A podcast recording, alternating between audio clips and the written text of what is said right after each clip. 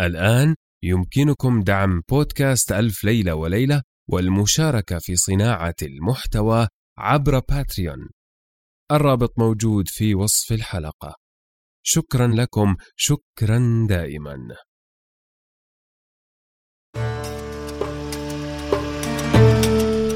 كان يا مكان في قديم الزمان وسالف العصر والأوان ملك يدعى شهريار يحب الاستماع لقصص الإنس والجان وكانت جاريته شهرزاد تقص عليه في كل ليلة قصة.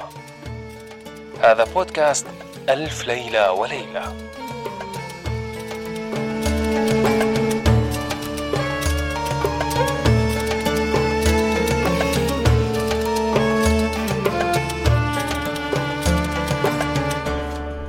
هذه قصص ألف ليلة وليلة.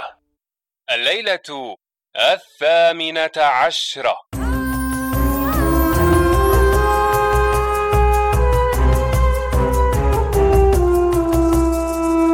حكاية الحمال مع البنات.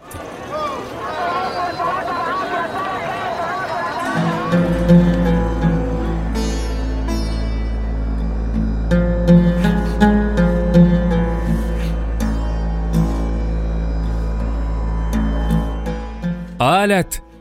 بلغني أيها الملك السعيد أن الخليفة أمر أن تكتب هذه القصة في الدواوين ويجعلوها في خزانة الملك. ثم إنه قال للصبية الأولى هل عندكم خبر بالعفريتة التي سحرت أختيك؟ قالت يا أمير المؤمنين إنها أعطتني شيئا من شعرها وقالت متى أردت حضوري فاحرقي من هذا الشعر شيئا. فأحضر إليك عاجلا ولو كنت خلف جبل قاف. فقال الخليفة أحضري لي الشعر.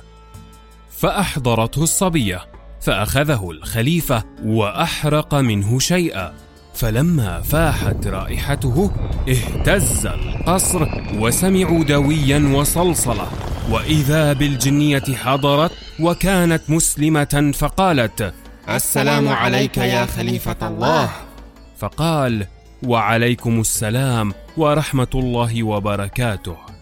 فقالت اعلم أن هذه الصبية زرعت معي جميلة ولا أقدر أن أكافئها عليه فهي أنقذتني من الموت وقتلت عدوي ورأيت ما فعله معها أختاها فما رأيت إلا أني أنتقم منهما فسحرتهما كلبتين بعد أن أردت قتلهما. فخشيت أن يصعبا عليها. وإن أردت خلاصهما يا أمير المؤمنين أخلصهما كرامة لك ولها. فإني من المسلمين. فقال لها خلصيهما. وبعد ذلك نشرع في أمر الصبية المضروبة ونفحص عن حالها. فإذا ظهر لي صدقها أخذت ثأرها ممن ظلمها.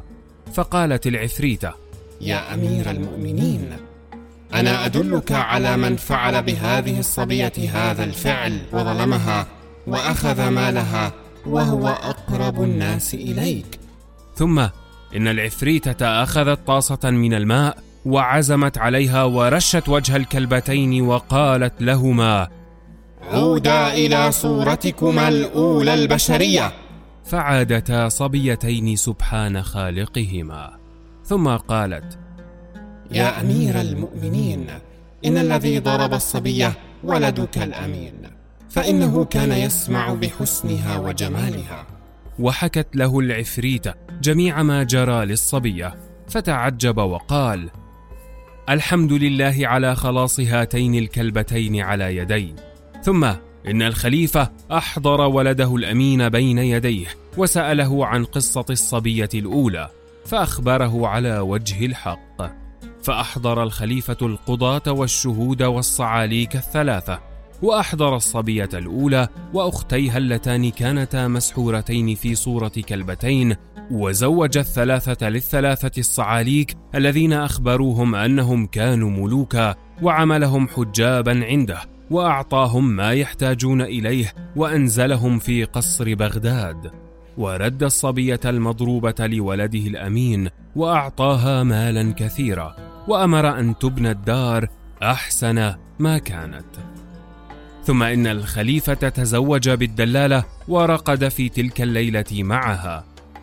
فلما أصبح أفرد لها بيتا وجواري يخدمنها ورتب لها راتبا وشيد لها قصرا.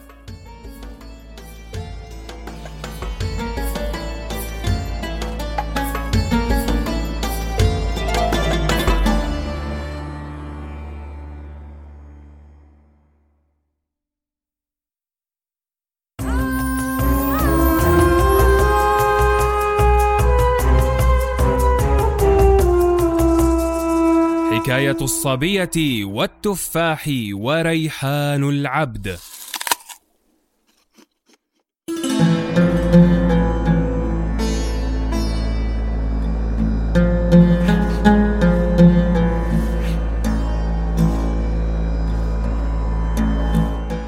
ثم قال لجعفر ليلة من الليالي: إني أريد أن ننزل في هذه الليلة إلى المدينة ونسأل عن أحوال الحكام المتوليين، وكل من شكى منه أحد عزلناه. فقال جعفر: سمعا وطاعة. فلما نزل الخليفة وجعفر ومسرور وساروا في المدينة ومشوا في الأسواق مروا بزقاق فرأوا شيخا كبيرا على رأسه شبكة وقفة وفي يده عصا وهو ماش على مهله وينشد هذه الأبيات يقولون لي أنت بين الورى بعلمك كالليلة المقمرة. فقلت دعوني من قولكم فلا علم إلا مع المقدرة. فلو رهنوني وعلمي معي وكل الدفاتر والمحبرة. على فوت يوم لما أدركوا قبول الرهان إلى الآخرة. فأما الفقير وحال الفقير وعيش الفقير فما أكدره وفي الصيف يعجز عن قوته وفي البرد يدفأ على المجمرة تليه الكلاب إذا ما مشى فكل لئيم غدا ينهره. إذا ما شكى حاله لامرئ وبين عذرا فلن يعذره فكل فقير غدا مسخره فقود الفقير إلى المقبرة. فلما سمع الخليفة إنشاده قال لجعفر انظر هذا الرجل الفقير وانظر هذا الشعر فإنه يدل على احتياجه ثم إن الخليفة تقدم إليه وقال له يا شيخ ما حرفتك؟ قال يا سيدي صياد وعندي عائلة وخرجت من بيتي من نصف النهار إلى هذا الوقت ولم يقسم الله لي شيئا أقوت به عيالي وقد كرهت نفسي وتمنيت الموت. فقال له الخليفة هل لك أن ترجع معنا إلى البحر وتقف على شاطئ دجلة وترمي شبكتك على بختي وكلما طلع أشتريه منك بمئة دينار؟ ففرح الرجل لما سمع هذا الكلام وقال على رأسي أرجع معكم. ثم إن الصياد رجع إلى البحر ورمى شبكته وصبر عليها. ثم إنه جذب الخيط وجر الشبكة إليه فطلع في الشبكة صندوق مقفول ثقيل الوزن. فلما نظره الخليفة جسه فوجده ثقيلا فأعطى الصياد مئة دينار وانصرف. وحمل الصندوق مسرور هو وجعفر وطلعا به مع الخليفة إلى القصر وأوقدوا الشموع والصندوق بين يدي الخليفة. فتقدم جعفر ومسرور وكسروا الصندوق فوجدوا فيه قفة مخيطة بصوف أحمر فقطعوا الخياطة فرأوا فيها بساط فرفعوها فوجدوا تحتها إزارة فرفعوا الإزار فوجدوا تحته صبية كأنها سبيكة فضة مقتولة ومقطعة فلما نظرها الخليفة جرت دموعه على خده والتفت إلى جعفر وقال يا كلب الوزراء أتقتل القتلى في زمني ويرمون في البحر ويصيرون متعلقين بذمتي. والله لا بد أن أقتص لهذه الصبية ممن قتلها وأقتله. وقال لجعفر وحق اتصال نسبي بالخلفاء من بني عباس إن لم تأتني بالذي قتل هذه لأنصفها منه لأصلبنك على باب قصري أنت وأربعين من بني عمك. واغتاظ الخليفة. فقال جعفر أمهلني ثلاثة أيام. قال أمهلتك.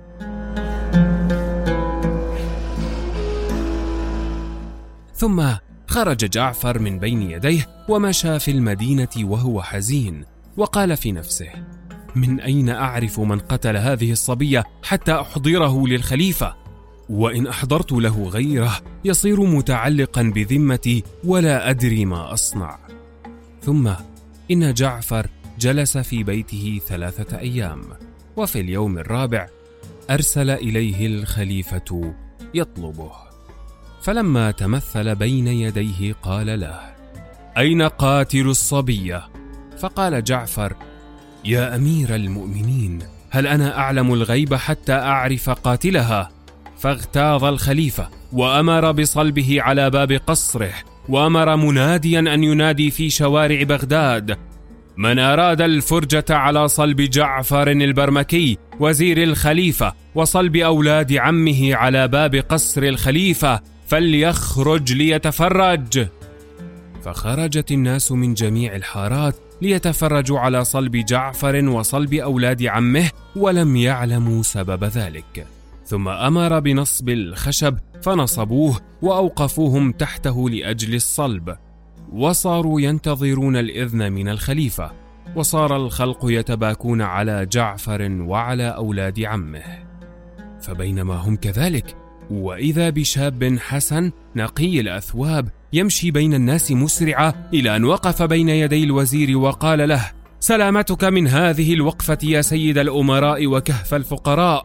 أنا الذي قتلت القتيلة التي وجدتموها في الصندوق فاقتلني فيها واقتص لها مني. فلما سمع جعفر كلام الشاب وما أبداه من الخطاب فرح بخلاص نفسه وحزن على الشاب. فبينما هم في الكلام وإذا بشيخ كبير يفسح الناس ويمشي بينهم بسرعة إلى أن وصل إلى جعفر والشاب فسلم عليهما ثم قال أيها الوزير لا تصدق كلام هذا الشاب فإنه ما قتل هذه الصبية إلا أنا فاقتص لها مني. فقال الشاب أيها الوزير إن هذا شيخ كبير خرفان لا يدري ما يقول وأنا الذي قتلتها فاقتص لها مني. فقال الشيخ يا ولدي أنت صغير تشتهي الدنيا وأنا كبير شبعت من الدنيا وأنا أفديك وأفدي الوزير وبني عمه وما قتل الصبية إلا أنا فبالله عليك أن تعجل بالاقتصاص مني. فلما نظر إلى ذلك الأمر تعجب منه وأخذ الشاب والشيخ وطلع بهما عند الخليفة وقال يا أمير المؤمنين قد حضر قاتل الصبيه فقال الخليفة أين هو؟ فقال إن هذا الشاب يقول أنا القاتل وهذا الشيخ يكذبه ويقول لا بل أنا القاتل. فنظر الخليفة إلى الشيخ والشاب وقال من منكما قتل هذه الصبية؟ فقال الشاب ما قتلها إلا أنا. وقال الشيخ ما قتلها إلا أنا. فقال الخليفة لجعفر خذ الاثنين واصلبهما. فقال جعفر إذا كان القاتل واحدا فقتل الثاني ظلم. فقال الشاب وحق من رفع السماء وبسط الأرض إني أنا الذي قتلت الصبية وهذه إمارة قتلها. ووصف ما وجده الخليفة. فتحقق عند الخليفة أن الشاب هو الذي قتل الصبيه فتعجب الخليفة وقال ما سبب قتلك هذه الصبيه بغير حق؟ وما سبب إقرارك بالقتل من غير ضرب؟ وقولك اقتصوا لها مني. فقال الشاب اعلم يا أمير المؤمنين أن هذه الصبيه زوجتي وبنت عمي وهذا الشيخ أبوها وهو عمي وتزوجت بها وهي بكر فرزقني الله منها ثلاثة أولاد ذكور وكانت تحبني وتخدمني ولم أرى عليها شيئا. فلما كان أول هذا الشهر مرضت مرضا شديدا فأحضرت لها الأطباء حتى حصلت لها العافية. فأردت أن أدخلها الحمام فقالت إني أريد شيئا قبل دخول الحمام لأني اشتهيته. فقلت لها وما هو؟ فقالت إني أشتهي تفاحة أشمها وأعض منها عضة. فطلعت من ساعتي إلى المدينة وفتشت على التفاح ولو كانت الواحدة بدينار فلم أجده. فبت تلك الليلة وأنا متفكر. فلما أصبح الصباح خرجت من بيتي ودرت على البساتين واحدا واحدا فلم أجد فيها. فصادفني خولي كبير فسألته عن التفاح فقال يا ولدي هذا شيء قل أن يوجد لأنه معدوم ولا يوجد إلا في بستان أمير المؤمنين الذي في البصرة وهو عند الخولي يدخره للخليفة. فجئت إلى زوجتي وقد حملتني محبتي إياها على أن هيأت نفسي وسافرت خمسة عشر يوما ليلا ونهارا في الذهاب والإياب.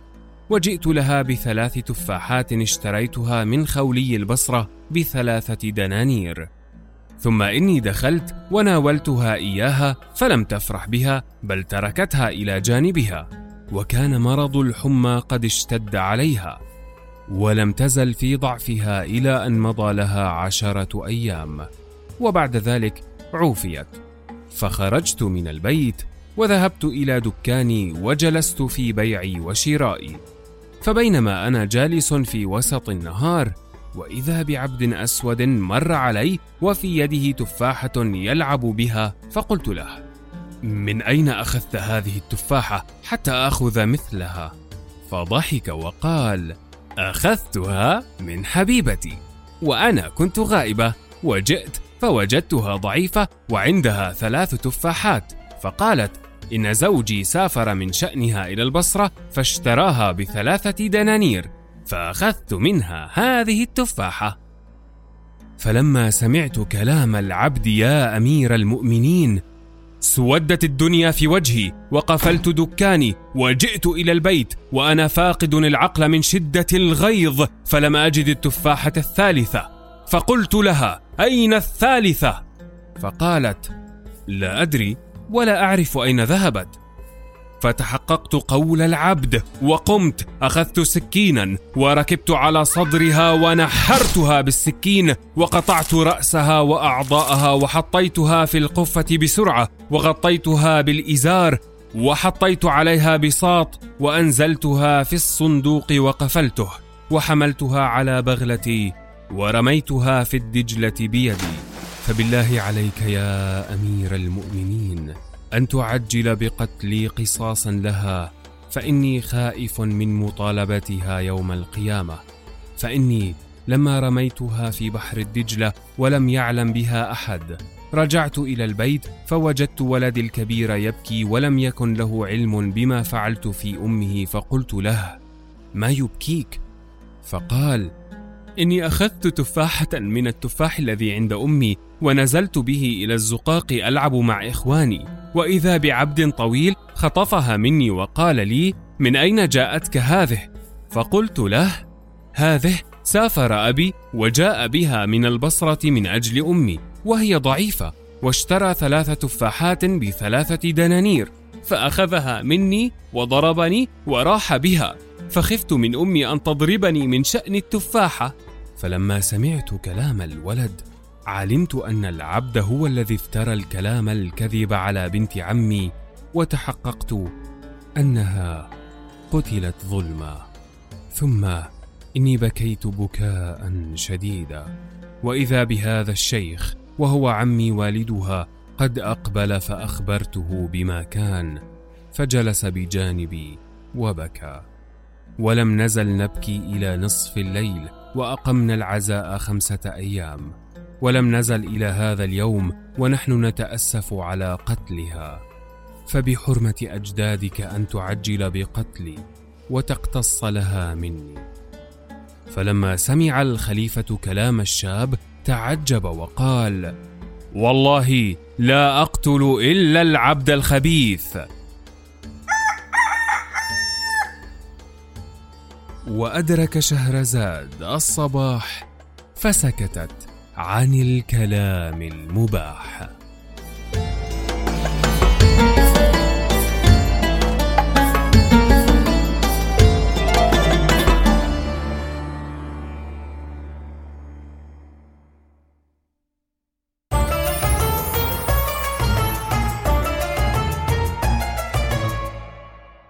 هذه قصص ألف ليلة وليلة. أنا نزار الحمود معكم في قراءة الليالي. لا تنسوا مشاركة الليالي مع من تظنون أنهم سيحبون ذلك. شكرا لكم، شكرا دائما.